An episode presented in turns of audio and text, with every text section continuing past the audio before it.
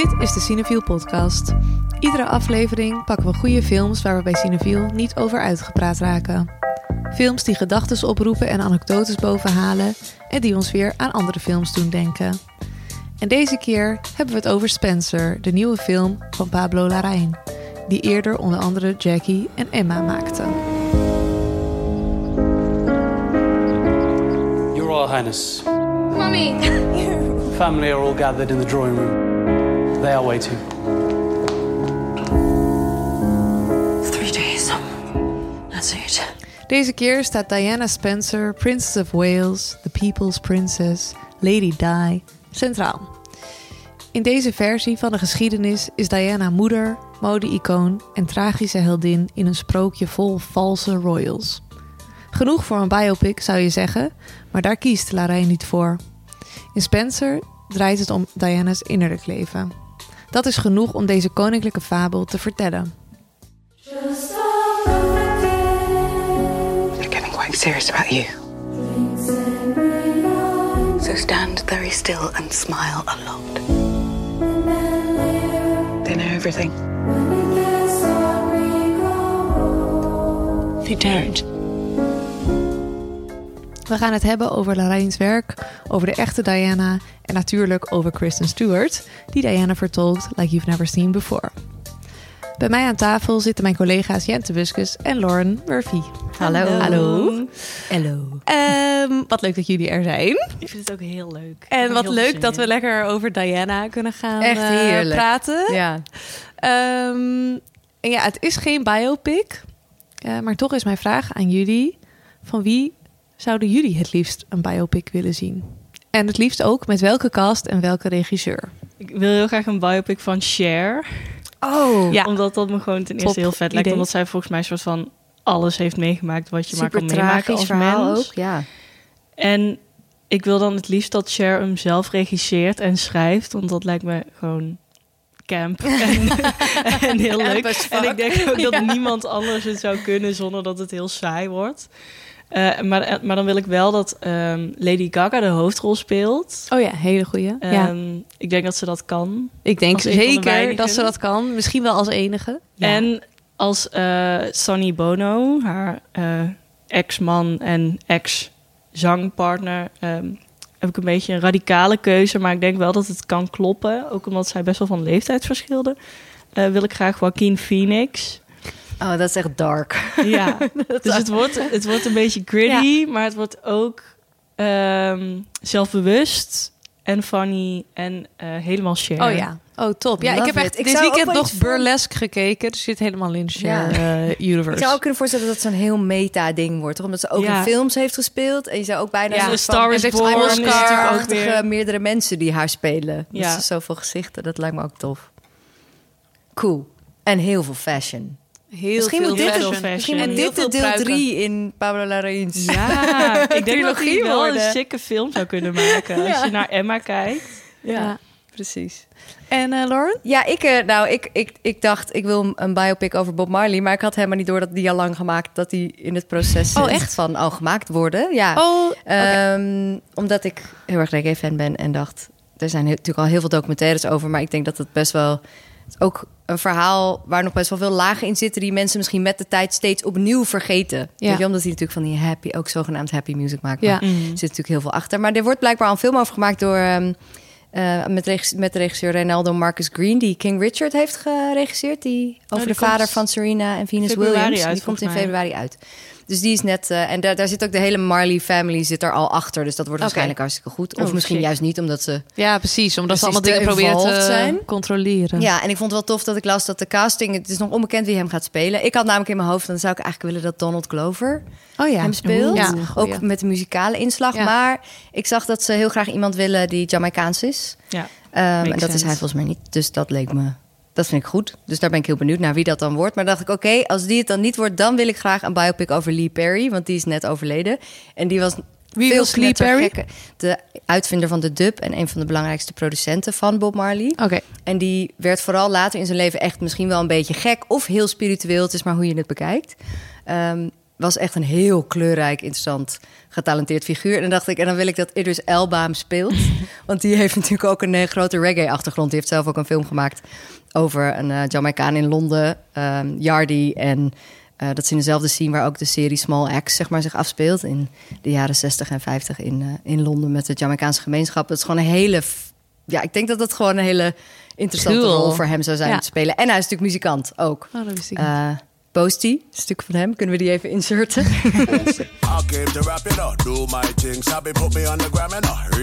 Uh, dus dat leek me een goede combi. Cool. Dat is wat ik wil, ja. Ja, ik vind het grappig, want we kiezen allemaal voor de muzikanten. Eh, Ja. Ik kies Ja. namelijk ook voor muzikant, namelijk Dolly Parton. Ja. Want in Dolly Parton zit alles. Ja, Ja. Dat, dat was het eigenlijk gewoon. Dat denk ik. In Dolly Parton is levensverhaal, in alles wat ze doet. In de Alles. quotes. Ja, er zit Ja. zoveel wijsheid in die vrouw. Er zit zoveel, zeg maar, alles wat zij doet zou eigenlijk gewoon gedocumenteerd moeten worden. Voor Als gewoon, ja, als handboek voor het leven, voor het nageslacht, voor iedereen, zeg maar. Nou goed, dus Dolly Parton. Ja. Ultieme Dolly Parton fan. Maar ik zou eigenlijk niet weten wie haar nou goed kan spelen. Ook omdat ze zo'n specifiek uiterlijk heeft Mhm. natuurlijk. Lijkt me wel vet als Miley Cyrus haar zou spelen of zo. Oh ja, is dat ook niet Nou, haar... eh, Haar, eh, eh, haar, ja, een soort van godmother. goddaughter Ja, of precies. zoiets, Er is wel al heel lang volgens mij een soort van Dolly Parton biopic misschien in de making. Maar zij controleert volgens mij heel, ongeveer alles van wat er over haar naar buiten is heel erg involved in haar verhaal. Dus dat is vooralsnog nog niet van de grond gekomen. Maar ik, ze had wel aangegeven wie ze wilde dat haar zouden spelen. En dat was of Scarlett Johansson. Oh ja, waarvan ik dan denk, ja oké, die Ah, zingt, ja, natuurlijk ook. Maar, huh? Ja. Of eh, Reese Witherspoon. Oh, Reese Witherspoon. Oeh, ja. ja. dat zie ik wel gebeuren. Ja. Zeg maar Reese Witherspoon in Wild. Een beetje die Maar wel vibe. country gal. Maar dan inderdaad zo'n soort van de Tennessee... Of waar komt Dolly Parton vandaan, weet ik niet. Precies, en zij was natuurlijk in Walk Ja, the Line ook heel goed, Reese, Wi- Reese Witherspoon. Dus Ja. Dat, dat, daar heb ik Als ook wel vertrouwen in. Precies. Ja. Ja. Ja. ja. Nou, ik hoop dat de filmindustrie eh eens luistert. meeluisteren. Ja. Oké, top. Ehm, maar goed, even terug naar Spencer. Laten we het eerst even hebben over Pablo Larraín... voor eh, degenen die niet bekend zijn met zijn werk... of misschien wel een beetje. Ehm, ja, om gewoon even te weten van wat Wie voor hij? achtergrond... Ja, wie is hij? Wat voor achtergrond heeft hij in film maken? Wat, eh, Ja, hij is een stijl. Chileense filmmaker. Is geboren in Santiago. En zijn grote doorbraak eigenlijk bij, bij het publiek hier, denk ik, was Jackie in 2016. Een biopic die geen biopic was. Over, Jacqueline. Onassis. Jackie O, de vrouw van eh, Kennedy. Eh, die zich afspeelt in de paar dagen. Maar ja, goed, dat is ook niet helemaal. Er zitten ook wel best wel thuisverschuivingen in. Maar in ieder geval in de periode dat Kennedy net is vermoord. En zij moet dealen met de nasleep daarvan. Als zijnde zijn vrouw, maar Ja. ook soort van zijn politieke op- Compagnon. compagnon Ja. en, en Ja. met kinderen. En eh, nou ja, goed, het is daar gespeeld door Natalie Portman. door Natalie Portman. I believe that the characters we read about on the page end up being more real than the men who stand beside us. Inderdaad, die eigenlijk helemaal niet echt op haar leek. Maar waar je Nee, nu elke toch. keer dat je aan Jackie denkt, toch ook Ja. aan haar moet denken. Ja. Omdat ze dat zo, Wat ik nou, dus daar nu ook met Kristen. Stewart heb. Ja, bijzonder. Precies. Ja. Ehm, maar goed, is geboren in Santiago. Hij was, is de zoon van twee best wel conservatieve politici. Dus dat is wel een interessante achtergrond. Want hij is zelf heel liberaal en stemt ook links en zo. Maar eigenlijk zijn hele filmgeschiedenis is gekleurd door dat hij toch wel een politieke insteek heeft. Zelfs met deze biopics, maar daar kunnen we het zo nog wel even over hebben. Ehm, maar hij heeft tien films gemaakt in totaal. Ook een horrorserie. Trouwens, Lacey's Story. Ik weet niet of jullie die hebben gezien. Nee, naar nee. Stephen King. Vorig jaar uitgekomen heb ik, of dit jaar heb ik ook nog niet gezien. Ben ik heel benieuwd naar. Vooral omdat hij, of bijvoorbeeld Horror, Spencer ja, ook. je kan je Ja. voorstellen dat, het dat hij daar goed in eh, is. Ja, Ja. bij hem past. Ja, dus nou ja, zijn films hebben vaak te maken met thema's zoals journalistiek en politiek, maar ook heel erg vanuit een psychologische insteek. Hij gebruikt vaak soort, soort bepaalde personages om politieke dingen mee aan te kaarten. Dat geldt eigenlijk voor Jackie ook. En ook voor Spencer gaat het natuurlijk ook over Engeland en Ja. over de Royals. Ja. En, ehm, Het is een vrij politiek verhaal. ja, precies. En zij, hij heeft eigenlijk is hij begonnen met een politieke trilogie. Zo omschrijft hij dat ook zelf. In 2008 heeft hij een eh, film gemaakt, die heette Tony Manero. En dat ging dan over, ogenschijnlijk over een seriemoordenaar... die geobsedeerd was door John Travolta in Saturday Night Fever. Maar het speelt zich af tijdens eh, de opkomst van Pinochet... En diegene, die seriemoordenaar woont samen met iemand die in het verzet zit. Dus zeg maar via zijn verhaal Ah, kom ja. je dan, Ja. wordt dat verhaal een beetje blootgelegd. En heeft hij twee jaar later heeft hij ehm, postmortem gemaakt. Gaat dan over een lijkschouwer, maar speelt zich ook af in 1973 tijdens de coup in Chili. Eh, en dan in 2012 No. No, als je het op zijn Spaans zou uitspreken. Ehm, speelt in 1988 en gaat dan over een reclameman die een, eh, een campagne op ging zetten, juist om Pinochet mee af te zetten. Dat is uiteindelijk met een referendum gebeurd, maar die, die ehm, campagne heette No, we're done. Ehm er zaten ook allemaal rollen in van mensen die daadwerkelijk toen in het verzet hebben gezeten. Dus nou ja, dat was heel duidelijk een, Ja. een, eh, een politieke trilogie. Ja. Tussendoor heeft hij dan nog een paar films gemaakt die ook wel een beetje daartegen aanleunen. Had bijvoorbeeld The Club. Eh, maar dat heeft dan een vorm van een thriller. Hij kiest dan ook soms een beetje een vorm die steeds anders is. Hij speelt wel vaker met genre elementen. Dus de club was een beetje een thriller, maar dat ging dan eigenlijk over misstanden in de katholieke kerk. Dus ook een heel maatschappelijk Oh, onderwerp. Interessant, ja. Ehm, hij heeft een biografie gemaakt over, of een biopic over Neruda. Pablo Neruda. Ja. eh, toen die in ballingschap verkeerde. Maar dat was dan een soort detective verhaal ook. Eh, en natuurlijk Emma, waar we ook al eerder een Ja, podcast over hebben gemaakt. Ja. Die misschien het minst, danseres. ogenschijnlijk het minst politiek is. Precies, over een reggaeton-danseres. Maar goed, daarvan had hij, heeft hij ook in veel interviews gezegd... van alles is politiek. Ja. Dus ook de manier waarop zij danst... heeft natuurlijk ook Ja. heel veel met, met feminisme. Ja, en, het gaat heel erg over haar relatie tot een kind. Ze heeft Precies. een kind geadopteerd. Ja, Was over wat eh, moederschap is. Ja. Ja, precies. dus in die zin is En, het een beetje een dus- zielsverwant van Spencer Ja. weer. Want Ja. daar, dat gaat daar, dat gaat heel erg over Diana als moeder. Want hij gaf ook aan van ja, waarom hij nou door haar zo geïnteresseerd was door Diana, is omdat zijn moeder heel erg fan van haar was. En heel Oh, erg ja. ontdaan was ook toen Diana overleed. En dat dat hem toen zo als klein kind al zo intrigeerde van wat was het dan met deze vrouw. Ja. Dus hij begint dan eigenlijk vanuit een, een eigen interesse in een personage... wat hij dan gaat uitbouwen, in het geval van Jackie ook. En ik denk dat ook wel interessant is... omdat Jackie was zijn eerste internationale film. Was een Franse productie, dus heel veel mensen in de crew daar... zo waren toen ook Frans. Ehm, maar hij heeft natuurlijk als Chileen ook een beetje een buitenstaanderspositie... bij deze Ja. twee verhalen. Ja, Dus hij zit er niet zo heel diep in. Hij is waardoor geen hij ook... Amerikaan, hij is eh, eh, geen Brit. Dus Nee. dat eh, scheelt als je dan iets wil maken. Of tenminste, ja, aan de ene kant scheelt het natuurlijk als je iets wil maken dan over de presidentsvrouw. eh, of, Precies, eh, want in Amerika heeft iedereen. Ja. heeft iedereen al een mening daarover klaar. Terwijl hij eigenlijk begint vanuit... oké, wat, wat intri- intrigeert me in deze vrouwen? ja. In dit geval twee vrouwen. Wie weet wordt er derde. Hij zegt Ja, zelf dat er een derde het- aankomt. Ook met het iemand dus, op hakken. eh, ja, ik vind mm, dat Emma daar, die daar tussendoor is gemaakt eigenlijk... Best goed in dat rijtje Ja, past. ook heel goed in dat Mm, rijtje past. Dat is natuurlijk niet een biopic. Ja, ik bedoel, Spencer is eigenlijk ook geen biopic. eh, Jackie ook niet. Niet in het letterlijke zin van het woord. Maar het gaat in ieder geval bij Emma ook niet over iemand die echt heeft bestaan. Maar het gaat net zo goed over een vrouw, een intrigerende vrouw... die allerlei keuzes maakt. Ja, die vrij... Ja, maatschappelijk allemaal niet karakterstudies Ja, eigenlijk. Gewoon. Echt En, en Spencer ja. zou ook... En Jackie denk ik ook zouden ook net zo goed soort van... sprookjes voor volwassenen over fictieve prinsessen kunnen Ja, zijn precies. geweest. Ja. en, en Eh, ik vind het wel het mooi om, echt Emma als een prinses te zien. Om het op die Ja. manier. Toch of zo, dan zo. Ja. Nee, dus dat is, dat is zeker waar. Ehm, en hij, ja, hij, hij vindt ook zelf, en zegt hij ook over de biopic, van het eigenlijk vindt hij dat per definitie een soort fantasie. Dus soort van, het is een beetje een illusie om te denken dat je iemands Ja, leven zeker. helemaal waarheidsgetrouw ja, kan. eh, ja, net als een biografie schrijven.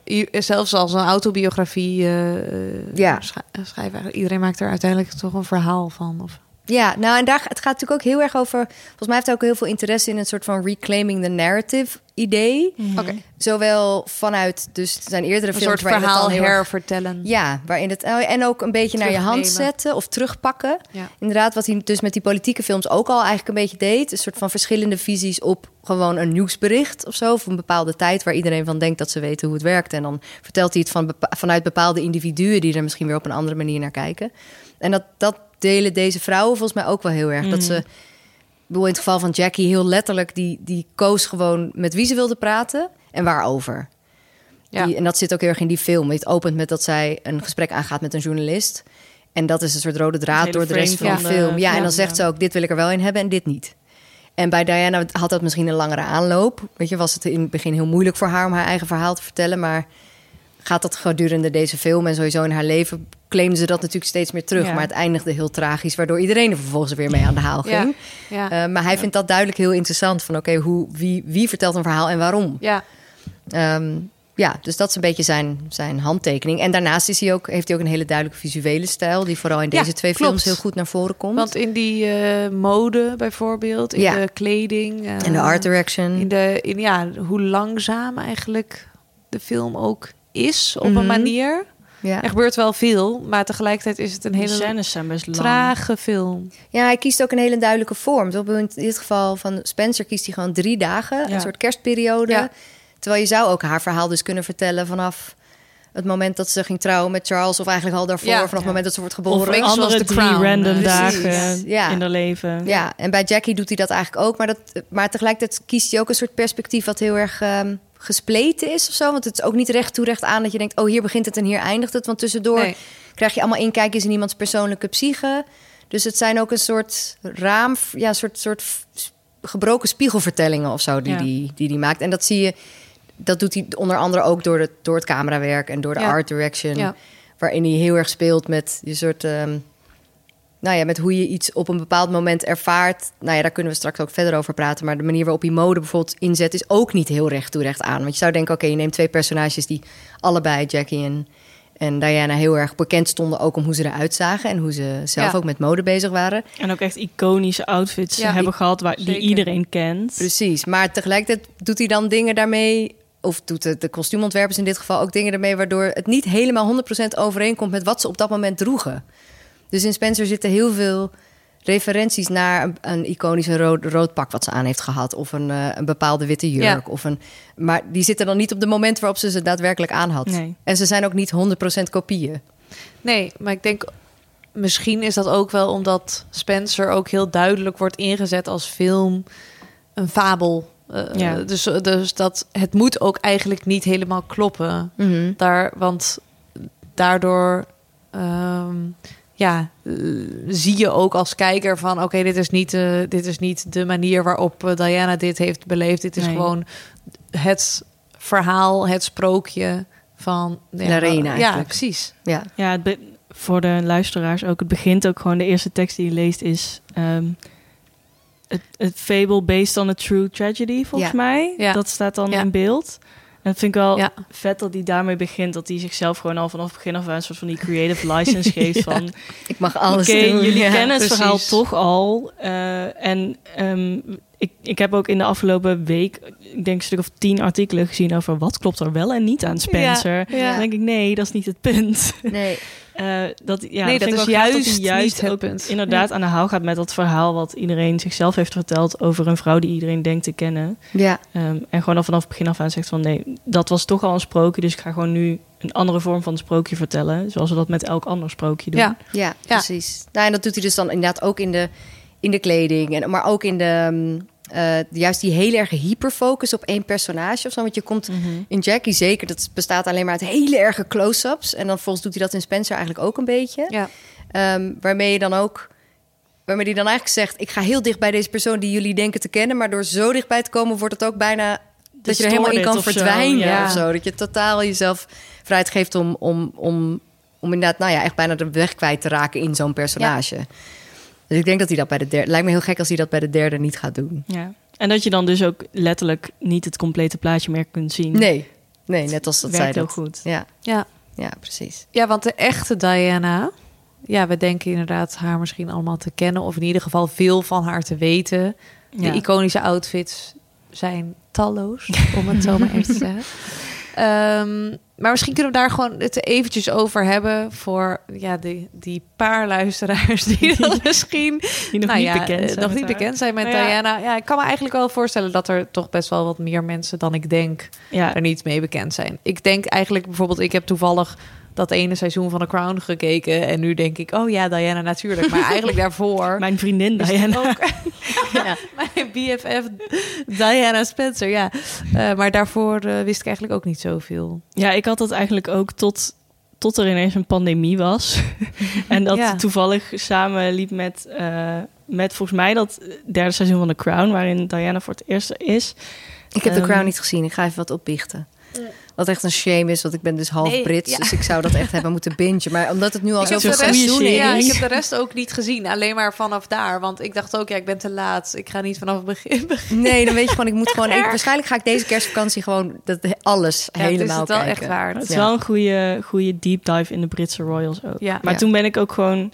Ik heb toen ook de eh, podcast You're Wrong About. Die hebben vijf afleveringen over Diana en haar leven met Charles en daarna.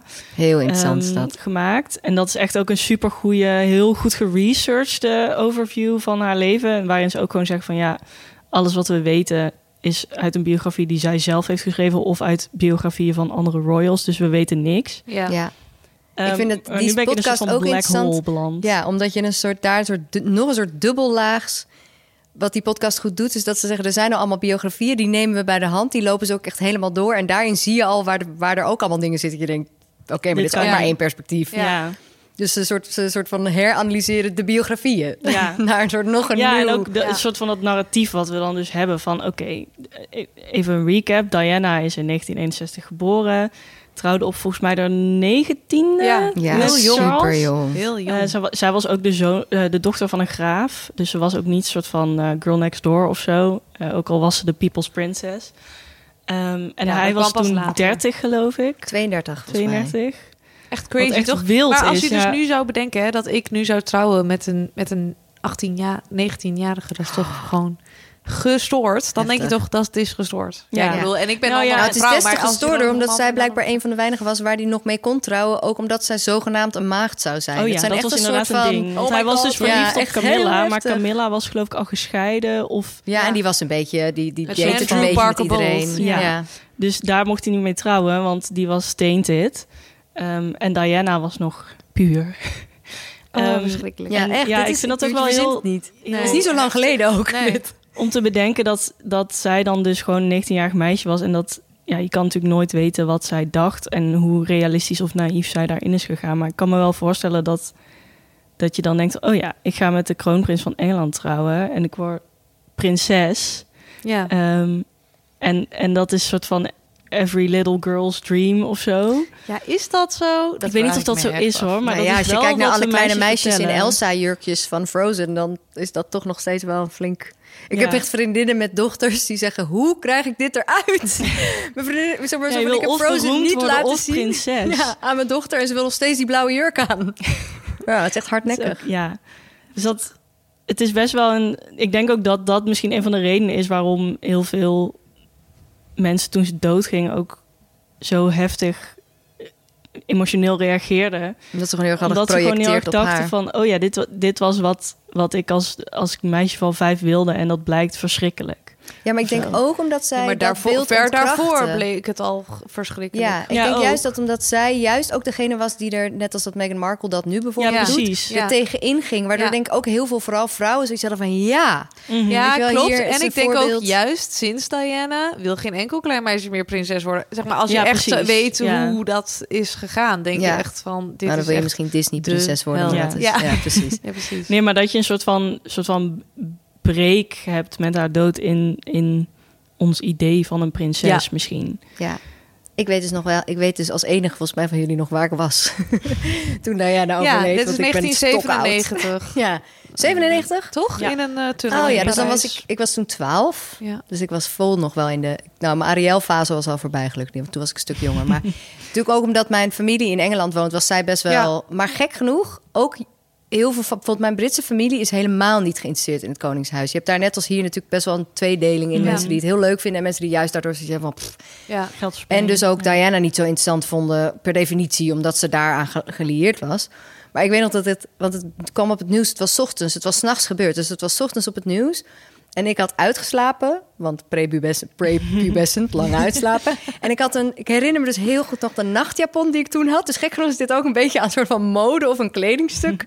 Hangt dit vast voor mij, want ik liep de trap op en ik herinner me gewoon de textuur heel erg van die nachtjapon tegen mijn benen of zo. Dat is Ja. een soort van, ik weet nog precies hoe die rook.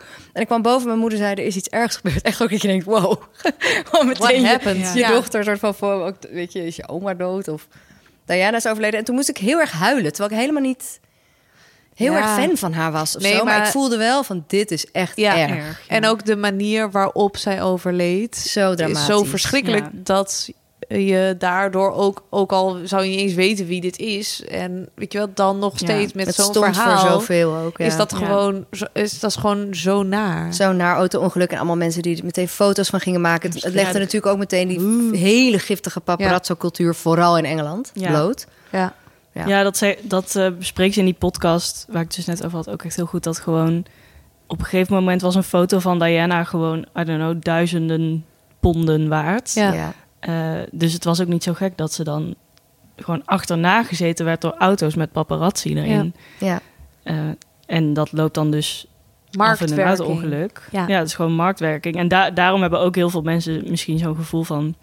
We all killed Princess Diana in a way. Ja. Ja. Wat wel ergens wel waar is. Als, Ja. je, als jij je ook heel schuldig al die blaadjes koopt Mhm. en eh, eh, die markt soort van omhoog drijft. Ja. Maar het is ook ergens de manier waarop ze is overleden... is een andere kant, is net zo goed een sprookje. Maar een heel Ja. grim en zo Heel tragisch. gothic sprookje. Ja. Horror. Ja. Ja. Ja, Ja, want, eh, Flew too close to the sun of zo. Ja, Echt heftig, want zeg ja. maar dat eh, gothic sprookje, als je dat zo zegt, Jente, dan denk ik wel dat is Spencer ook. Ja. Op een heel andere manier, want dat gaat helemaal niet over haar dood. Het, gaat, het speelt in 1991, denk ik. Of de 92 of zo, ja. 92 in Ja, ieder vlak geval. voordat ze gaan scheiden. Ja, vlak voordat ze gaan scheiden, eh, Diana en Charles. Dus, dus dit gaat echt, is gewoon een heel ander stadium van haar leven eigenlijk. Mhm. Ehm, maar nog steeds ook heel gothic. Ja, misschien kan je er iets over vertellen, over hoe... Ja, ik vind, ik vind het ook heel mooi dat het een soort van... Het voelt een beetje als de mooie prinses die is opgesloten in een gouden kooikasteel... waar Zit niemand de verwarming aanzet. Ja. Ja, waar iedereen gemeen is. Wat overigens wel echt waar is. Ook zitten natuurlijk heel veel Ja, dingen die wel... ja. Die, waarvan je denkt, dit, is, dit zijn sprookjeselementen, dit verzin je. En die zijn dan wel echt waar. Ja. Zoals dat ze op een weegschaal moeten gaan zitten... voordat het kerstdiner aanvangt. Ja, op een hele dan- oude weegschaal moet iedereen plaatsnemen. Eh, omdat de koningin dan drie dagen later, als iedereen weer op die weegschaal moet gaan zitten, kan checken of iedereen wel genoeg heeft gegeten. het leuk genoeg heeft dat gehad dus. het leuk woorden. genoeg Ja. heeft gehad, omdat eh dan vol dus... te eh, ja, precies. Ja. Genoeg natuurlijk hebben een heel gegeten. fijn begin van je kerstweekend. Ja, En wat je helemaal strookt met de Engelse hebt. kersten die ik ken. Ook, maar trouwens. wat voor Diana specifiek eh, heel erg is, eh, ik bedoel voor iedereen, is dit, neem ik aan, een hele nare traditie. Maar voor Diana, Diana specifiek, omdat zij eh bulimia heeft. Eh, wat ook heel duidelijk in deze film naar voren Naar voren komt. In The Crown ook, toch? In The Ja, Crown ook. ja. Maar hier Wel vond ik het nog net iets Nog heftiger. heftiger. Ja. Ja. Maar het bleek ook wel. Ze had iets van... Ze omschreef het zelf ook echt als wel echt heel, heel erg. ja, ze heeft het ook heel lang gehad volgens mij. Ja. Wat ik ervan weet. En ook op een gegeven moment is ze daar ook wel voor in therapie gegaan. En dat werd dan een stuk beter. Maar dan als ze dan weer zo'n weekend op een kasteel met al die mensen moest doorbrengen, dat ze dan weer relapses had. Oh, En je niet mocht eten tot de Queen Mother een Ja. hap had genomen. Ja. Nou echt waar. Sowieso natuurlijk heb je allemaal van die regels omtrent eten. Zo überhaupt al in de maatschappij, maar in zo'n koninklijke familie al helemaal. Want heel veel eh, etiketten gaat natuurlijk over eten. Dus als je daar dan al een obsessie mee hebt op een hele negatieve manier, maar ook op Ja. een positief, maakt eigenlijk niet uit.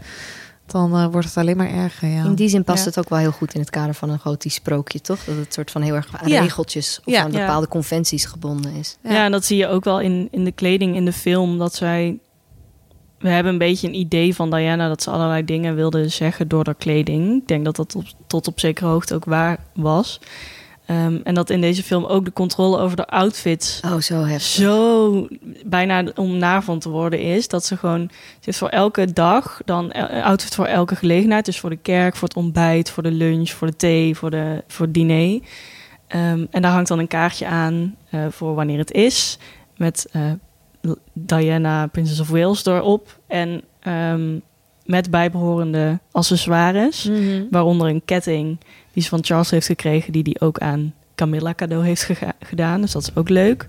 Ja. En dan, dat komt de hele tijd dus terug dat iemand haar iets aan wil doen. En terwijl zij denkt van, oh ja, misschien wil ik wel vanavond deze jurk aan Ja. of zo. Dat het enige ding waar zij misschien een beetje controle over zou kunnen hebben, Ja. al helemaal weggerukt wordt. Ja. Nou, en met die ketting, daar zit ook een hele heftige scène in. Ja. Ja, in dat opzicht is het ook een beetje gothic horror bijna. Ja. Dat je, ehm, ja, ook, eh, je ziet heel veel, ehm, ja, soort, ja, wat zijn het? Hal- hallucinaties. Ja. Of, of, of- Je gaat echt in haar... Ja, je gaat psyche echt in haar mee. psyche mee. Eh, ja, we, we, we hebben dat ook een twee uur durende zenuwinzinking. Ja, wat misschien, Ja. Niet het, misschien niet het beste visitekaartje, maar ook weer wel. Het is Want wel het is, ook, Het het is, beeldschoon. Het is geweldig. Ja, en het is ook niet geweldig. alleen maar dat. Maar ik denk wel in de zin...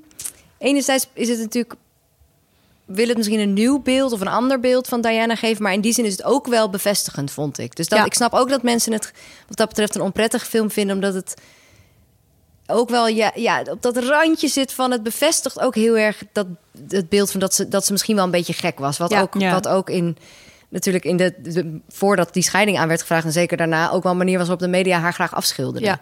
met Ja. haar eetproblemen, met een weet je soort van terwijl dat allemaal in de, Ja. het wordt in ieder geval in deze film wel duidelijk waarom dat Ja, zelfs de meest sane Iedereen eh, zou hier zou helemaal helemaal doordraaien. eh, ja. helemaal door zou draaien. Ja. Eh, maar het speelt inderdaad wel ook, weet je, het opent, de film opent ook met zo'n shot van een fazant op een, een dode fazant op een dan weg. En dan denk je, dit is gewoon een 600 keer horrorfilm auto's shot. overheen rijden. Ja. Dit zo, door zo beginnen heel veel Ja. horrorfilms ook met een dode vogel op een weg of een dood dier Ja. of zo. Weet je. Ja. Ja. ah, Oké, dus de sfeer wordt wel gezet.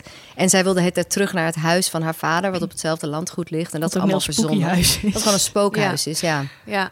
En dan Ja. loopt ze dan op een En waar ze ook de geest van Anne Boleyn ziet. Ja, die, maar je ziet ze dat ook in het kasteel Ja. waar zij zelf Oh ja. zitten. Ja, wordt ze, de, Anne Boleyn wordt de hele tijd soort van teruggehaald. Ze is ook een boek aan het lezen over haar. Wie is Anne Boleyn? Eh, Dat misschien eh, is handig is om- een van de zes vrouwen van Henry de Achtste. Ja. Ehm, en, eh, En Henry de Achtste stond er onbekend. Die zijn vrouwen allemaal eh liet, Een kopje kleiner maakte. vermoorden. Ja. Nee, ja, Boleyn was eh, maken. volgens mij de tweede vrouw eh, van Henry, als ik het goed heb. En zij eh, kon hem geen zoon geven of zo. Dus toen heeft hij maar de, eh, eh, laten onthoofden. Ja. Want zoals de regel is, je moet baren. als vrouw een heir en de spare baren. Ja. Oftewel, William is de heir en Harry is de spare. Mocht William Mocht dus William. Ja. doodgaan, dan Ja. is er nog een reserve. Maar ja, nu ik niet vind meer. het ook wel Tragisch. interessant. Op een gegeven moment in, in de film zegt ze gewoon een soort van terloops in een gesprek. Will they kill me, you think?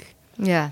Van, ja, dat zegt ze eigenlijk als een soort grapje, een maar je soort grapje. weet... En het is ook een soort van illusion naar al die conspiracy Ja. theories over dat de royal family eigenlijk achter die crash zaten. En Ja, eh, daar zijn de wildste theorieën over. ja maar het is dat de eigenlijk royal ook family haar gek. liever kwijt dan rijk Ja, Nou, het is niet zo gek dat er heel veel conspiracy theories over het Koninklijk Huis zijn. Want het wordt omgeven door allerlei geheimen. Geheim- Maar ook en enorm dingen, veel schandalen. Ja. En gewoon best wel ja, mensen die ver van de werkelijkheid waar de rest van de wereld in leeft, zeg maar, eh, bestaan. Dus dan, ja, er is, zeg maar, aan alle kanten is het voer voor, voor wilde, en ze hebben dus ook wel eens ergere dingen gedaan in Ja. de geschiedenis. ja, mensen laten vermoorden en Ja. dat soort dingen. Maar Ja. ook de manier waarop die personages allemaal, de rest van de personages geframed worden, behalve degene waar ze dan een connectie mee heeft. Maar de, de koningin en Charles, die worden ook echt een beetje als villains. Ja, Vooral als aan de ta- vooral aan evil tafel, villains. weet je? Ja. Die Echt zo'n evil queen. Ja, de kop van de tafel die zo staat te, Heel te staren. bitter Ja. zitten kijken. Ja. En, Ja. en Charles die dan ook tegen haar zegt tijdens het eten van... oh ja, is een beetje zonde voor de koks die hier allemaal werk in hebben gestoken... als je Ja. dadelijk allemaal weer gaat uitkotsen, hè? Ja. Ja. en dat, zegt hij op een ook van... Sometimes you need to make your body do things it doesn't want to. Ja. Dan denk je, wat bedoel je daarmee? Maar, oh. Ja. Dat is echt, gaat echt zo onder je huid zitten. Hey, en ehm, er is een soort Diana revival eh, gaande, of tenminste, zo eh, lijkt het. Which I love. Ja, ik bedoel, ik ook, alhoewel ik soms ook wel echt denk van, ik, ik kijk te veel content, Diana gerelateerde content, bijvoorbeeld een, een, een helemaal niet zo'n goede documentaire op Netflix, maar gewoon omdat ik dan denk, oh Diana. Oh, Diana. Ja, echt zo'n soort van spanning zij- en sensatie. Maar dat vind ik dus eigenlijk heel Ja. erg, omdat dat precies is waarom, Waarom zij... dood is Ja. eigenlijk. Ja, Ja. ja. Dus dus, eigenlijk gaat het van, door. oh hè? wat Wat doen erg. wij hier nu ook Ja, eigenlijk? Wat doen wij in dit, deze podcast? ja, zeker. Eh, maar ehm, Maar ze had waarom dus wel is er een een soort- Diana revival nu? Wat, wat is daar? Wat is dit omdat het nu een generatie is die eigenlijk niet weet wie zij is en dat je dan opnieuw haar kan ontdekken? Of eh, Nou, wat deels het komt natuurlijk ook door dat Harry en Meghan zo Oh ja, eh, de ja. aandacht hebben gekregen en Ja. hebben opgeëist ook voor een deel. En daar haar daar ook heel expliciet in centraal hebben gesteld. Dus haar jongste zoon en zijn Hollywood vrouw. Hollywood Woman. nou ja, wat ook natuurlijk een soort, ook weer zo'n verhaal is waar mensen heel lekker op gaan. Weet je, iemand die, een actrice die dan prinses wordt en vervolgens zich tegen het koningshuis, Koningshuis keert. koningshuis keert. Maar en ik bedoel, zij, droeg, Ja. m- zij hebben ook zo'n interview gehouden met Oprah dan in dit Ja. geval. Nou, zij, ehm, eh, eh, Diana heeft ook een heel roemrucht interview gehouden. Ik ben even vergeten met Andrew wie. Morton, denk ik. Nee, Maar die- op Bashir, Bashir, iemand van de BBC, maar die had haar Oh, eigenlijk ja, ja. erin Ja. getricked. Die had gezegd dat het, Dat het onder valse record was. vo- Ja. voorwendselen. En zij heeft toen eigenlijk heel veel gespeeld over hoe haar... Ze heeft het toen omschreven als... My marriage was very crowded. Over de, Oh ja, zo Three of van- us. Ja. nou ja, en heel open geweest, ook over haar eigen affaires en zo. Nou, dat is, heeft er duur, is er duur komen te staan. Ehm, nou ja, daar heeft dus Harry, daar hebben ze er ook het narrative gereclaimed. Van wij gaan ook zo'n interview Ja. doen, maar wij weten wel waar we aan beginnen. Ja. En zij hebben, nou ja, Me- Meghan heeft en, en Harry heeft gezegd: ik ga mijn, mijn vrouw niet hetzelfde laten doormaken als Diana. Dus ik neem het voor haar op. Zij wordt gek hier. Ja. Dus Ja. ik stap hier uit. En Meghan droeg bijvoorbeeld tijdens dat interview een, volgens mij een, een armband of zo, die van Diana was geweest. Dat je dus de, Ah, ja. Ze hebben ook die Ja. link best wel letterlijk gemaakt van we Ja. gaan. En ook gaan- weer kleding of sieraden in dit geval. ja, die, eh, precies. En wij gaan de- het verhaal van mijn moeder ehm, het goed maken eigenlijk ergens. Dus dat is denk ik een van de redenen dat dat nu natuurlijk weer heel erg speelt. Ja. Maar ook omdat we omdat bepaalde v- Als vooral het wereldbeeld heel anders is of ja, zo. waardoor je bepaalde verhalen over vrouwen uit het verleden ook in een ander daglicht opnieuw, gaat zien. eh, gaat, eh, Ja, we hebben de bekijken. afgelopen jaren hebben we Amy gehad. We hebben I, Tonya gehad. We hebben dit jaar Framing Britney Spears gehad. Daar komt een documentaire over Nipplegate. Wat was Nipplegate ook weer? Oh, dat was, eh, waar wij Janet Jackson. Janet Jackson een wardrobe malfunction had tijdens de Super Bowl. Omdat Ehm, Justin Timberlake gewoon een... ja, deel van allegedly haar- dat topje eraf Ja, trok. Daar verschillen de meningen over. Eh, maar haar carrière is daardoor gewoon gestopt. Omdat ze dus de tepels op live tv liet zien. één Ehm, tepel. Eén tepel, excuus. Ja. Eh, Nou, dus Eh, even willen eventjes En ja, er- maar er, is, er, er komen ook, er zijn ook series worden er gemaakt of zijn gemaakt over Marcia Clark, over het O.J. Simpson trial en haar rol daarin. Over Monica Lewinsky, met wie Bill Clinton een affaire had. En Eigenlijk allemaal vrouwen uit de jaren 90, early Zero's. 2000s. Die gewoon helemaal door de modder gesleept zijn Ja. eh, destijds. En ook allemaal zeker geen perfecte mensen waren Nee. ineens of zo. Ja, goed, dat Ehm, hoeft ook niemand te zijn. Dat hoeft zeker niemand te Ja. zijn. Maar we komen daar een soort van. We hebben een soort van rethinking van al die, al die verhalen die we ons daarover hebben verteld. En de manier waarop we met bekende mensen, niet alleen bekende vrouwen, maar bekende mensen omgaan. Ja. Maar Ja, goed, er zit want- inderdaad ook een beetje, en dat snap ik snap wel wat jij net zei, Fien, van ergens zijn we het ook in stand aan het houden door dan weer. Dat te Ja, mythologiseren. want, Ja, of zo, helemaal. En ja. dat weet je ook. Ik wil het ook een beetje denken aan het einde van eh, Once Upon a Time in Hollywood. Wat, waar je van alles van kan vinden, natuurlijk. Van de manier waarop Sharon Tate, die niet uit de jaren 90, 2000 kwam, maar eh, in die film. Ze kreeg bijna niks te, te zeggen in die film, maar het eindigt wel op een soort. Het zijn natuurlijk Sharon Tate en Diana allebei op een verschrikkelijke manier overleden. En je geeft dan die personages een soort tweede leven of zo. Ja, van, oké, Maar wel weer als symbool. Precies, ergens Klopt, wel. en weer als symbool. En ik denk ook, nou ja, want, want eh, Jente, jij, jij nam net zo Britney Spears als voorbeeld van, oké, we hebben haar, eh, we in de zin van gewoon iedereen in de, De media mensen. en de mensen die dat consumeren, eh, hebben haar verschrikkelijk behandeld. Oké, nou nu, ik wel, is er een ander narratief over haar leven gekomen en eh, is ze vrij? Trouwens, sinds vorige week. Woehoe. Ja, maar, Free Britney. ehm, free Britney. maar en nu? Maar nou ja, ik denk meer van bijvoorbeeld zo'n zo'n documentaire die daar dan misschien aan bij heeft gedragen, is tegelijkertijd ook een documentaire waarin allemaal mensen worden opgevoerd die nog steeds gewoon hun hele leven besteden aan Britney Spears analyseren, terwijl Britney Spears geen flauw benul Ja. heeft wie deze mensen zijn. Ja, en ook Weet weer... je, dus dat, heeft, dat is zoiets onnatuurlijks en ongezonds, denk ik, Ja. om zulke relaties te hebben met hele beroemde. Ja, ik denk sowieso dus heel beroemd zijn lijkt me dus echt de hel. eh überhaupt beroemd zijn, ugh. maar, ja. eh, Maar het lijkt- dat dat zo'n ja, het is altijd zo'n eh, fine line tussen. Oh, ik kom voor Britney Spears Ja. op. Of ik, een ik soort ben een soort. Ik zuig gewoon eh, alles. uit deze ja, precies. vrouw. Content. Content. uit deze Ja. vrouw, Nou ja, ik vind het ook, het leidt ook een beetje de woede over andere mensen weer op. Want bijvoorbeeld iedereen haat dan nu weer De vader Justin van Britney Timberlake Spears. en de Oh, vader ja. van Britney. Spears. En, misschien En sowieso- Charles gaat natuurlijk enorm gehaald Charles, worden, ook ja. hierdoor. Terwijl Ja. ik ook wel vaak denk, jeetje, die, die is ook maar een soort pionnetje in... Ja. Taylor Swift heeft een nieuw album uit. Iedereen haat Jake Gyllenhaal Ja. weer. Ja, John, John Mayer, zo ligt ook ergens op de lijst. Ja. Precies, maar meer van, weet je wel, dus daarvan denk ik dus ook bij Diana, denk ik ook, ja, oké, mooi dat we een nieuw verhaal over haar vertellen. Aan de andere kant denk ik, ja, we zuigen ook gewoon Dia- Diana-content uit Ja. haar eh, tragische geschiedenis. Maar dan denk ik wel dat het... Ik vind het wel in heel veel opzichten, vind ik Spencer wel echt afwijken van... Ja, dat vind en heel dus erg ook. spelen met, met van oké, deze dingen zijn wel echt en welke niet. En, en, nou, de, en juist omdat het zo haar- fictief wordt gemaakt. Ja. ja, maar ook net niet er zit echt wel heel veel in wat wel klopt. Ja. Dat maakt het natuurlijk ook spannend. Maar vooral de, het psycho, als psychologisch portret gaat het denk ik wel naar een plek die, waar Diana misschien niet eens is geweest. Of wat, er ook, niet- wat, wat dat betreft niet zoveel ter zake doet of zo. Het gaat meer over... daar- nee. Het is niet iets wat een soort van alle geheime eh, dingen die we nog niet wisten over Diana naar boven haalt. Ja, en dat er nog De allemaal Diana nieuwe tapes. roddels. Ja. eh, Nee. Wat de Crown soms wel doet, zeg Ja, maar. Dat, klopt. dat ze zeggen van, oh, wij vertellen echt het echte verhaal.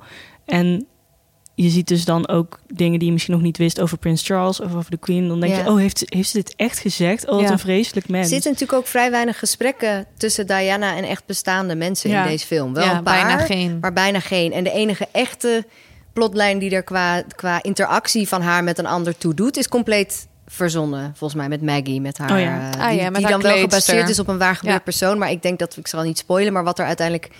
Wat er tussen hun gebeurt, kan ik me niet van voorstellen dat dat echt gebeurt. Nee. Dus dat dient heel duidelijk een, Mhm. een functie Ja. binnen deze film. Een hele fijne, vond ik ook. Ja, een hele prettige film. Ja. ja. Oké. Ehm, laten we overgaan naar ons fragmentenrondje. Om even wat luchtigheid erin eh, te brengen. Kiezen we deze keer onze favoriete fashion filmprinses. Oh. Ja, want die zijn er zoveel. Ehm, Jente, laten we gewoon beginnen met, met jouw favoriete Ik wil graag weten of jullie wel eens als een prinses verkleed zijn geweest zelf. Ja, ik dus echt nooit. Echt? Ik was denk ik gewoon vroeger al een soort van totaal gay kind. Ik weet niet, maar ja, zeg maar, zo heb ik mezelf niet gezien. Maar aan de andere kant was ik heel jongensachtig. Iedereen dacht altijd dat ik een jongetje was. En ik was ook echt helemaal niet geïnteresseerd in meisjesdingen. Dus ik wil, ik heb nooit zo'n droom gehad van ik wil ja, in een prinsessenjurk en dan later trouwen met een man. Nee, het leek me allemaal Nee. niks. En eh, mijn moeder was ook een vrij feministische moeder, dus die sowieso. Ik heb twee zussen, we zagen er alle drie uit als jongetjes en we mochten ook nooit roze aan. Maar dat Oh wilden we eigenlijk wilde daarom ook niet. Oké. Dus het werkte wel goed, deze... Ja. deze... De enige keer dat ik echt een Ja. prinsesjurk aan heb gehad was toen ik zes jaar werd. En, ik denk dat mijn moeder toen had moeten zeggen: nee, doe maar niet. Want het was ook nog eens mijn eerste dag op een nieuwe school. En hij was roze met echt een strik en zo gewoon echt 100% En toen ben ik heel erg gepest. Oh. Vanaf dat moment. En nog Oh. steeds denk ik soms dat het met die jurk te mij dat ik te extra was. Dat Oh. moet niet je kop over het maaiveld uitsteken als je naar een nieuwe school gaat als je zes bent. Oh, Floor, dat vind Ja. ik zielig. Nou, Oh. nee hoor, dat, dat valt wel mee. Het was een hele mooie jurk. Ja, ik ben eigenlijk wel benieuwd naar de jurk. Ja, moet ik Ik had zeggen. hem moeten bewaren. We hadden wel een verkleedkist vroeger. Er zat vast wel een prinsesjurk in. Maar ik denk, ik ben nooit zeg maar bewust me als prinses gaan verkleden. Mijn moeders trouwjurk is wel echt bijna Diana's jurk. Maar dan Zoals Oh net ja. iets net als die op de schaal. poster. Ook Ehm, heftige jurk. Chanel ontworpen, hè, maar Ja. dat hebben we net niet genoemd. Maar Ja. Chanel was dus heel erg betrokken bij. Ja. Want Diana hield ook van Chanel. Kristen Stewart is ambassadeur voor Chanel. Ja. En Jackie Chanel was ook veel film. Chanel. Ja. Ja, Maar het is ook geweldig. Dat is... ja want Ja. De, dus de kostuumontwerper eh, Jacqueline Duran... die ook Little Women in 1917 had, eh, heeft gedaan... die eh, heeft dus ook alle extra's... en alle mensen met wat kleinere rollen... dus Prins Charles, Elizabeth... heeft ze dus ook al die costume changes laten doen. Dus er zit zo ontzettend veel aandacht in de mode in die Oh, film... dat iedereen op de achtergrond heeft... ook op de momenten dat ze weer een nieuwe activiteit gaan ondernemen... Iets anders hebben die aan. ook weer iets anders aan. Ja. Oh, geweldig. Ja, echt insane. Maar goed, Chanel was even ja. een, Ja. eh, een aside. ja, Prinsessenjurk. de bruisjurk van je moeder. Ja. Nou ja, die die, moeder. die heb ik dus wel eens met carnaval aangedaan. Oh ja, Ehm, goeie. en, nu, En dat nu- mocht? dat mocht, ja. Mijn ouders zijn gescheiden. It doesn't matter anymore. Nee, wow, dat, dit, de carnaval, dat, daar blijft niks van over. Ja, mijn zus was volgens mij de eerste. En toen, daarna was het gewoon al Hek van de Dam. ruined. Ja. Dus eh, nu is het een carnavalsjurk. Maar nu wil ik dus eigenlijk...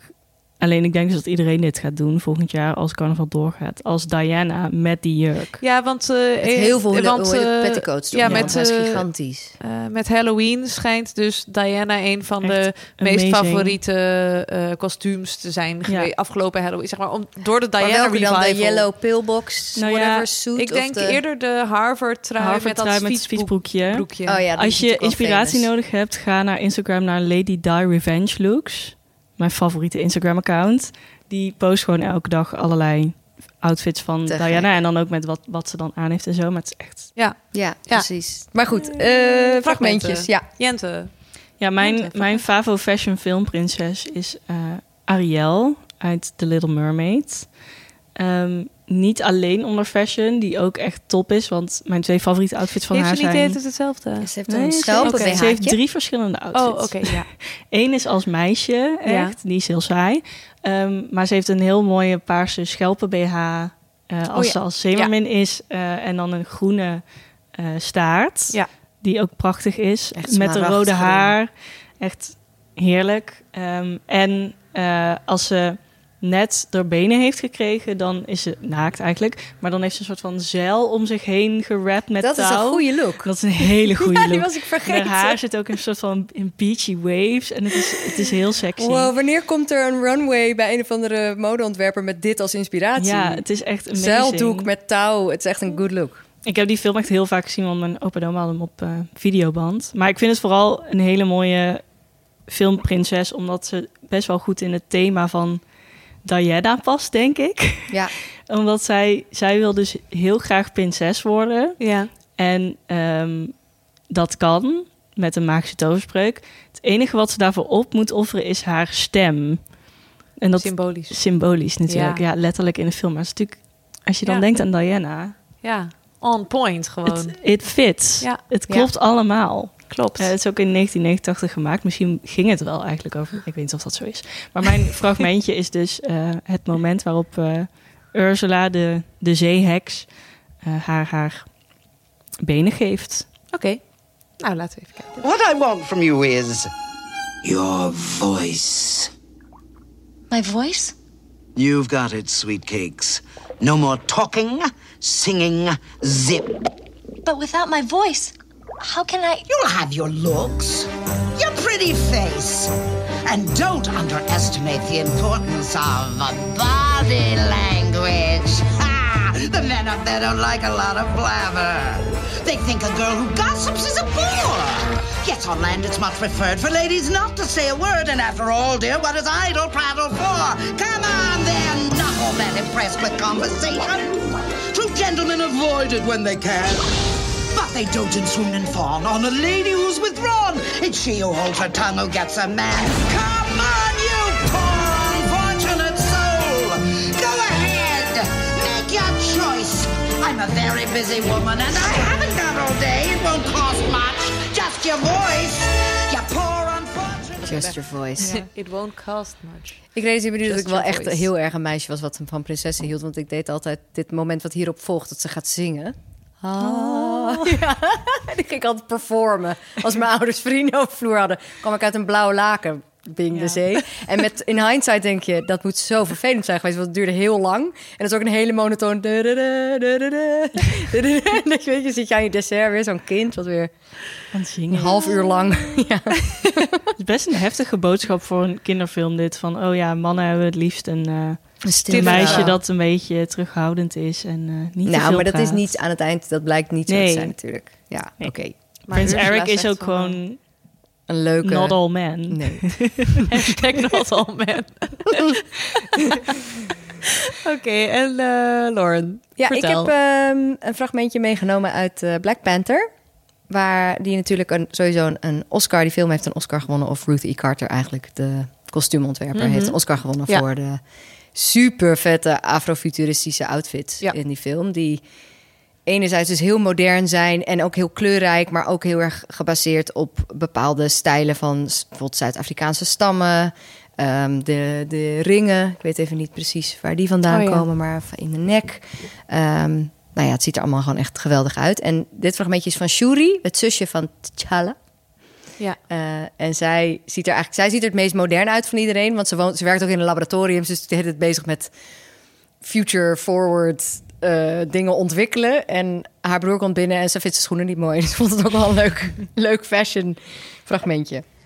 And what are these? The real question is, what are those? Why do you have your toes out in my lap? But you don't like my royal sandals. Guess what I call them? Sneakers. Hij heeft eigenlijk een soort... ehm, hoe heten die slippers? Birkenstocks Ja, een soort, achteraan. een soort Afrofuturistic Birkenstocks. Black Panther. De outfit die zij hier aan heeft is trouwens ook echt top. Zo'n Ja. soort van wit basic instinct-achtig Jurk, maar dan jurkje. met een soort... soort ehm, doorzichtig bovenkantje. ja, het is ook heel erg naughty, een beetje wat ze Ja. aan heeft, toch? van layers upon Ja. layers die je niet Ja. helemaal begrijpt. Met eh, Chadwick Boseman. Ah, echt wel heftig. Ze zijn nu natuurlijk bezig met een deel 2. Zonder Chadwick Boseman. Maar wel met eh, Letitia Wright, die Shuri speelt. Maar die was gewond geraakt tijdens de opname. Dus het ligt nu even stil. Oh. Ja, het Wow. komt wel goed. Maar ehm, dus even pauze. Maar deel 2 komt er wel aan. Cool. Cool. Wat heb jij Ja. meegenomen? Eh, ik heb een, eh, een fashion prinses classic meegenomen, vond ik zelf. Namelijk Anne icon. Hathaway in eh The Princess Diaries. Zeker een classic. Eh, waarin Anne Hathaway dus eh, als, als eh, soort van onpopulaire, eh, nerdy teenager erachter komt dat ze eigenlijk een prinses is van Every little girl's het dream. Europese fictieve staatje Genovia. Wat ik Oh. al zo'n goed gekozen naam vind dat ik vind dat deze ja, film gewoon vijf sterren krijgt. Maar goed, eh, Julie Andrews die, die, die is de koningin van Genovia. En die komt erachter dat Anne Hathaway gewoon een soort van onaangepaste nerd is. Die eh, een, ja, allemaal van die typische soort van teenager films lelijkheden heeft. Bijvoorbeeld Oh, als je een bril, als je een bril hebt, dan ben je dan- lelijk. En als je een beugel hebt, dan ben je ook lelijk. En als je krullen hebt, dan ben je ook echt super afschuwelijk eigenlijk. Maar goed, toch heb ik deze film net vijf sterren gegeven. Dus nu kan ik niet meer terug. Maar goed, eh, en dit is de, de make-over scene van Mia. Want zo he- heet Anne Hathaway in deze film. Eh, Mia Thermopolis. Een soort van, oh ja, we doen een soort van Grieks. eh nou, in ieder geval. Eh, ja, en dan wordt ze dus van een lelijk eentje in een prachtige zwaan getransformeerd. I love your eyebrows. We'll call them Frida and Color. If Brooke Shields married the Groucho Marx, that child would have your eyebrows. Brooke Shields, married Crouch. Precies. Prachtig. Het zijn super mooie wenkbrauwen. ja. Oh, ik vind het ook heel, grappig. heel grappig hoe het, hoe het modus soort van standaard veranderd is. Dus dat, zeg maar, nu zijn de bushy eyebrows helemaal in. Precies, Ja, het is zo zeker. random. Ja. En ook sowieso dat dat narratief... het- ze hebben toch onlangs zo'n film... Volgens mij staat die op Netflix... Eh, want dit is natuurlijk classic She's All That. is ook Ja. zo'n film, toch? Waar zo'n Ja. make-over in zit. En dan heb je nu He's All That. Ja, klopt. Ja, zo Wat- van... Waarvan je denkt, oh, oké, Oh. ze hebben iets geleerd. Want ze, ze gooien het soort van een gendernarratief op hun hoofd. Maar tegelijkertijd is het precies hetzelfde. Ja. Dus Is dat die gewoon met zo'n- Addison Ray? Sorry, ja, ik heb hem niet gezien, Oh. maar die guy is dan... zo- is- Ik heb wel de make-over scene gezien. en die gast is gewoon ook heel knap. Al vanaf het begin. Al vanaf het begin. Ja. Maar de- oké, in dit geval is het een dude. Ja. Nou ja, Ja, fine. Zo eh, ja. progressief. Dat is echt best wel tragisch, hè? Dat al die tienerfilms, als je daar Ja. dus even over nadenkt, denk je echt, Jesus, met wat voor afschuwelijke ideeën worden wij allemaal doodgegooid als je haar niet 15 bent. doodgesteld van Precies. 2000 tot Ja, 2015. Ja, echt Ja. verschrikkelijk. Maar goed, en eh, het schijnt ook dat eh Anne Hathaway dus een soort van uren in de make-up moest, omdat al die haartjes van, voor haar wenkbrauwen dus zo e- individueel werden Ingezet. in- ja, werden ingezet. Ja, echt crazy. Een soort van Nanny McPhee-achtig. Heb je dat ook nu dat mensen, als dan bushy brows weer in zijn, dan heb je dan ook dat mensen nu haren laten implanteren om bushy brows Nou, te hebben? volgens mij is dat wel. met een microblading of zo. Hoe heet dat? maar dat is om je van die eruit te halen, kleine. toch? Nee, nee, nee. Dat is dat je van die kleine soort van Oh, ja. dingetjes maakt, maar dan echt per haar gaat tatoeëren. Ja, sorry. daar En allerlei serums zijn er. Ja. Serums om je haargroei te bevorderen. Zie je, wat heeft allemaal geen zin? Het heeft, waar doen we het allemaal Het voor? is net zoiets als je oude kleren in de kast laten hangen... omdat je weet dat ze over. 20 jaar toch wel weer ja, ik las vanochtend een artikel dat tramstamps weer helemaal in zijn. Oh ja. Yes! Inderdaad, dat ik for all- we zijn all of full those circle people. nu. Ja. Al die mensen die zeiden, oh ja, als je later oud bent, dan krijg je er echt spijt van. Nee. Zo, die, zijn, Aha. die zijn nu zo uncool. Yes, tramp stamps. Ehm, laten we het Speaking even over... dingen ja, die ineens cool zijn. maar het eigenlijk altijd al waren. Laten we het even over Kristen Stewart Ja. hebben. Ehm, Jent is natuurlijk heel blij dat we nu eindelijk een le- Oh. legitieme reden hebben om Twilight aan te halen. ja, eh, Jente, wat wil je zeggen over Twilight en Kristen Stewart? Ik, het enige wat ik wil zeggen over Twilight is dat, dat we gewoon... Het, het was niet zo erg. Twilight was niet zo erg? Het was Nee. niet zo erg. Nou, Maar Ja, ik, we hebben gewoon eh, jarenlang memes gemaakt over hoe Kristen Stewart niet kon lachen. Nee, oké, En dat ze meer wat zou moeten zeggen lachen. is Kristen Stewart was niet zo erg in Twilight, maar Twilight aan zich. Ja, maar als je bedenkt hoeveel slechte films er gemaakt worden in Ja, een er jaar. zit toch ook gewoon een hele gore, gore net een soort van Prince Charles en Diana-achtige plotline in. Het is van, die, verschrikkelijk. van die ene hele oude weerwolf dude die dan een soort van imprint op een klein meisje. Ik bedoel, shit is niet goed. Nee, het is, het is, ik zou het zeker niet aanraden als een soort van... Oh ja, Laat het je ja, kinderen dat is zien. zo Was ik alweer heftig. vergeten. Zij is dan hoe oud? Drie? Nee, ze is Nee, nog een baby. Hij kijkt haar aan en Ja, hij weet, you're mine. Renesmee. Ja. Sowieso dat er dus iemand de Renesmee heet. Nee, oké, eh, Twilight is een beetje verschrikkelijk, maar ik heb eh, ook nog een kijktip voor mensen die hierna verder willen leren over Diana en over Kristen Stewart. Is een video-essay van Lindsay Ellis over Oh ja. Ehm, en haar soort van de insteek daarvan is eh, Stephanie Meyer, de schrijfster van Twilight, sorry. Eh, want ja, het argument dat ze maakt is eigenlijk... We, ja, het was niet goed. Het is niet een soort van in defense of Twilight. Twilight is eigenlijk heel goed. Maar het is meer van de, de, de passie waarmee we als soort van collectieve Ja. samenleving dit wilden haten... Is ook niet cor- was correct. echt niet Nee. oké. Vooral omdat het beargumenteerd zij dus, en daar ben ik het wel mee eens, ook heel erg gebouwd was op het feit dat gewoon tienermeisjes dit leuk vonden. Ja, dat klopt. Dat is een beetje En- zoals eigenlijk Justin Bieber. Net als met One Direction, Justin One Bieber. Direction. En, Ja, en dat niet, betekent niet Alles wat dat het goed is. tienermeisjes Maar leuk vinden, wordt eigenlijk altijd gewoon gehaat. Omdat tienermeisjes... Ja. Ja, even herinnert... een leuke video van op cineville.nl staan met Sarah Luna Zoric, actrice. En die heeft een heel vurig pleidooi voor teenage chick flick Precies. high school movies zoals Easy A en Ja, Mean Girls en zo. bijvoorbeeld. Dat daar helemaal niks mis mee is. Nee. dat is natuurlijk Nee, ook zo. Mean Girls maar dat laten we dat nu ook voor Twilight dan bepalen. En er, is wel, er zijn wel dingen mis met Twilight. Precies, dit Ja. is geen Mean Girls, Maar laten om we het wel zo erg te willen haten, ja, dat Ja. heeft ook iets te maken met een soort van misogyny en Ja. Dat jonge vooral omdat niet. eh. Robert Pattinson, makkelijker de lift in is geklommen na. Twilight dan Ja. Kristen Stewart. Ja. Want even over de carrière van Kristen Stewart wil ik toch eventjes met jullie doornemen, want die kent namelijk vele ups en downs. Eh, die begon Jij bent als, eh, superfan, laten we Ik dat ben een superfan, maar meer omdat. Nou ja, goed, daar komen we later nog op. Maar Kristen Stewart is gewoon een lesbian icon. Ja, een heel cool persoon. Eigenlijk bisexual. Maar goed, ik noem haar gewoon lesbian icon. Want, hm. Ehm, eh, ja, dus ja, ik bedoel fan. Nou ja, ik heb inderdaad een mok met haar gezicht erop. Waar ik elke dag mijn koffie uit drink. Verder niet hoor, verder niet. Ja. Maar anyway. Eh, ja, Kristen Stewart die eh, begon eigenlijk als kind al te acteren in Panic Room bijvoorbeeld. Dat met Jodie Foster, vergeten. ander lesbian icon. Ze lijken, Ehm, het is goed gecast ook, want ze leken Ja, ook zeker. als moeder en dochter echt werkte goed. heel Oh. goed. Om een Ehm, lid te zijn van dat gezin. Ja, wel een andere setting als even kan. Niet Ja, in een kleine panic dat room. wel.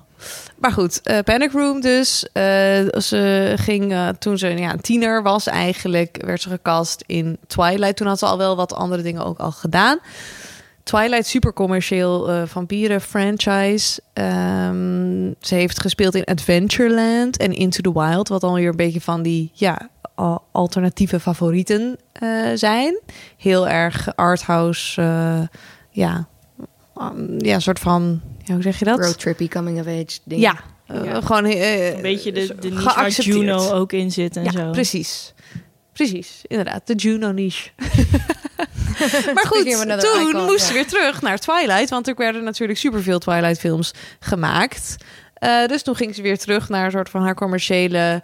ehm ja, vampierenfilm waar ze volgens mij zelf ook wel al op uitgekeken de latere films was. zijn ook echt veel slechter dan de eerste. Ja, Hebben alhoewel ik ze laatst andere wel- van dat soort sterren in dat soort franchises dat ook gedaan? Met dat ze een uitstapje deden en dan terug moesten. Zoals weet je veel, eh, Daniel Radcliffe en Harry Potter of Emma Watson. Heeft die tussendoor de andere, radicaal andere dingen gedaan? Volgens mij Emma bleven Watson die best wel, wel. volgens ja? mij. Heb ik het Ja, maar is dat tussendoor of pas erna? Dat Was weet ik niet. Perks of Being a Wallflower of zo ook tussendoor. Of de Bling Ring. Ja, Oh, maar volgens mij is dat pas erna. En daarna dat ze ik terug naar de zeker. Freely, naar Ja. Hermione. Grappig.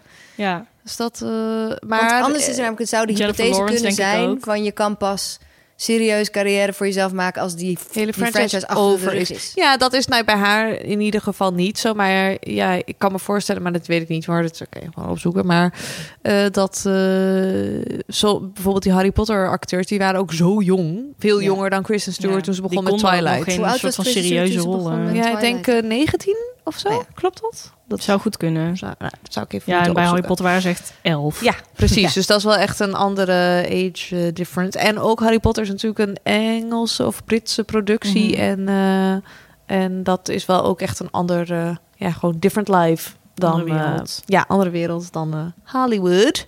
Want eh Kristen Stewart komt ook uit een Hollywood family. Oh, nooit geweten. Ehm, Net als dat Diana eigenlijk ook.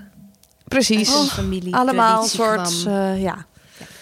Eh, maar goed, maar eh, ja, Kristen Stewart was dus intussen ook wel gewoon leuke films aan het maken. Nou, ik bedoel, Twilight, zoals we net al hebben besloten, is niet een niet leuke film. Maar goed, om even zo in de soort van mainstream ja, precies, kritiek te gaan zitten.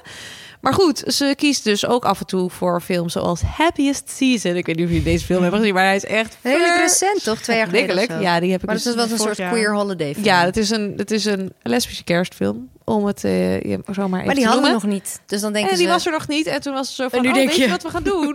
nou, ja, die hadden we, Hadden we niet hoeven hebben. Echt niet We hadden Carol al. Ja, dat is precies. Maar dit, was- dit is een happy Oh ja, eh, sorry. kerstfilm. Of tenminste, dat is het idee ervan. Terwijl als je die film kijkt, denk je echt... oh, zoveel verkeerde keuzes zijn hier gemaakt. dat is Niks echt niet normaal. Maar goed, dus haar carrièrekeuzes zijn nou ja, in ieder geval Ja. origineel te noemen. Ze heeft ook personal shopper. Kreeg ze Oh, ook hele geweldig. goede Oh ja, dat. recensies voor. Maar Ja, dus het precies. is een beetje Bijvoorbeeld, ze heeft een balanceren César tussen- gekregen. Een soort van een Franse Oscar voor een Franse film waar ze ook in heeft gespeeld. Die ook heel goede kritieken dus heeft gekregen. Dus het gaat eigenlijk alle kanten op. En dat is ook alweer leuk. Ehm, terwijl haar emotional range volgens velen, in ieder geval vroeger, geen enkele kant Ja. op ging. Namelijk altijd hetzelfde bleef. Want het was altijd zo'n meme. Er zijn De echt Kristen Stewart memes meme. van zeg maar een soort van dan heb je een soort van eh, tabelletje met soort Ja, van met, eh, met Kristen Stewart promo- eh, portraying emotions en dan is het zo happy, sad, angry En ze en kijkt dan- eigenlijk dan gewoon is het allemaal dezelfde foto. Ja, ze kijkt altijd hetzelfde volgens Maar zij zijn deze echt mensen. ook heel erg de dupe van het soort eh, resting bitch face ehm, Ja. stereotype. Wat weet je, zoals een man zo kijkt, als Keanu Reeves kijkt altijd hetzelfde. En die is dan Ja. zeg maar gewoon heel aardig en likable en toegankelijk. En Kristen Stewart Ryan heeft ook een beetje kijkt een in heel gezicht waar je Drive veel, hetzelfde. ja, waar je op kan projecteren. In de Ja. zin van ze heeft niet hele sterke mimiek. Ja, Dat zou je in Spencer trouwens veranderen. Is dat best wel een beetje anders, vond nou ik. ja, ja, ik denk dus. Maar waarom is dat bij haar dan? Ik bedoel, dat maakt haar ook een hele goede actrice, vind ik. Ja, Ja. Ja. Dat eh, vind ik dus ook. Dus het is ook gewoon een soort van heel kinderachtige, flauwe manier om haar een beetje weg te zetten als niet serieuze of geen goede actrice. Ehm, terwijl, ja, ik bedoel, even afgezien van mijn mok en allemaal dat soort dingen, denk ik ook gewoon van zij heeft wel echt een heel intrigerende uitstraling. Zeker, je wil Dus- graag naar haar kijken. Ja, je bent gewoon benieuwd. En dat is op zich wel heel leuk dat je in deze film echt ziet waar zij toe in staat is. Ehm, en dat ze bijvoorbeeld dus ook dat hele vreemde accent van Diana. Want het is niet alleen gewoon super Brits, maar het is ook nog eens heel royal. En het is ook nog eens gewoon Diana die gewoon een eigenaardige stem had. Ja. Mhm. I'd like to be a queen of people's hearts in people's hearts. But I don't see myself being queen of this country. You know, at school you do tenses. Yeah. It's the past, the present, future. Right. Well, here, there is only one tense. There is no future. Past and the present are the same thing. Ja, dus eh, je hoort gewoon dat zij nou ja, op een hele andere manier eh, spreekt. Maar ook eh, eigenlijk, ze zegt ook ergens in een interview van... ja, deze manier van spreken was ook een heel bodily eh, ervaring. Een soort van een, een, een lichaam, een lichamelijke ervaring... omdat haar hele lichaam mee bewoog eigenlijk met dat accent. Ja, maar ze is ook... Oké, dus Kristen Stewart heeft ook al een beetje... Die heeft, haar lichaamsbouw is een klein beetje naar voren gebogen, soms. Afhankelijk Ja, van, ja. ik bedoel, als je dan naar de paparazzo-foto's kijkt... je schouders staan een klein beetje naar voren. En Diana had dat ook een beetje. Ja. Dus dat verste En zeker natuurlijk als ze niet letterlijk gebukt ging onder het juk van dit Ja. koninklijk huis, zeg maar.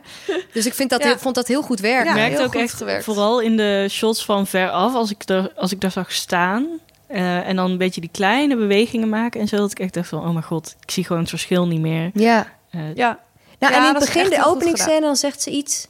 En dan denk je, oh, dat is aangedikt of zo. Dat had ik wel een beetje. Van, poeh, oké, Ja, dat maar accent. je bent er wel En dan aan. kijk je in een, een interview met Diana Ja. terug en denk je, oh, maar ze praten ook gewoon Ja, precies. zo. Nou, de accentcoach van deze film, dat is misschien wel leuk om te weten, was ook de accentcoach van Emma Corrin, die in The Crown Diana vertolkte. En ook de accentcoach van Naomi Watts, die in de film Diana, Die ik eh, niet Diana vertolkte. Nee, dat was ook niet zo'n eh, ja, eh, ja, was ook niet zo'n hit. Het is een beetje een soort van under the radar gebleven. Hij komt uit 2013, die film. Maar goed, dat dus die accentcoach. Eigenlijk props voor de accentcoach. Die doet het gewoon super goed. En het is heel knap, omdat het inderdaad zo'n eigenaardig accent is. Ja, ze duwt een beetje je- ook door iets heen of zo. Ja. Dat gevoel heb je. Het een Mhm. beetje... Maar goed, dus dat, ja, dus dit is wel echt gewoon Kristen Stewart op haar best, vind ik. Eh, en ja, leuk dat het ook nog gewoon een totaal lesbian icon is. En deze film ook een beetje een lesbisch randje heeft, waar ik verder niks Maar ik over denk zal dat zeggen. Diana, is Diana op haar, was die op haar manier ook een beetje een lesbian icon, weet je dat? Misschien inmiddels wel. Ik denk maar dat ze wel een beetje queer icon is geworden. eh, ja, Ja. dat denk ik ook. Maar ik denk dat heel veel royals zijn dat, Ja, zijn dat precies. natuurlijk in een soort van. Ja, Zeker tragische royals. ja. Nou ja, maar ze was toch ook Grace Kelly. Ze was toch hele goede vrienden met Elton John bijvoorbeeld. Ja. In de zin van, ik denk dat ze wel Ik vind dat lied ook Oh, eens verschrikkelijk. famously gay. Eh, ook famously gay. Ja, ja. Famously. ja ik heb dat lied voor Kristen gezongen. Stewart is gewoon famously gay. Famously gay. Ik bedoel, ik was En dit ze vindt weekend het zelf de, de, mooi, de belangrijkste rol die ze ooit gespeeld ja, heeft, toch? Ja, dat snap ik, ja. Ja. ja. Dus, eh, Ik vind het wel heel dat vet dat ook. gonna prove everybody wrong. ja, ik bedoel, nu is het gewoon een soort van Oscar-worthy performance. Dus ja. ja, dus nou ja, hopen op een Oscar voor Kristen Stewart. Daar komt het voor mij in ieder geval op. dat zou voor mij zoveel goed maken. Dit was hem weer, de Cineviel podcast. Spencer is nu te zien in Cineviel. We hebben allerlei andere titels genoemd in deze podcast, dus check de show notes als je daar benieuwd naar bent. Wil je met ons meepraten? Dat kan via podcast.cineviel.nl of via Twitter @cinevielpod. Dankjewel Lauren en Jente. Alsjeblieft, Heel erg dank graag je. gedaan. Tot de volgende keer.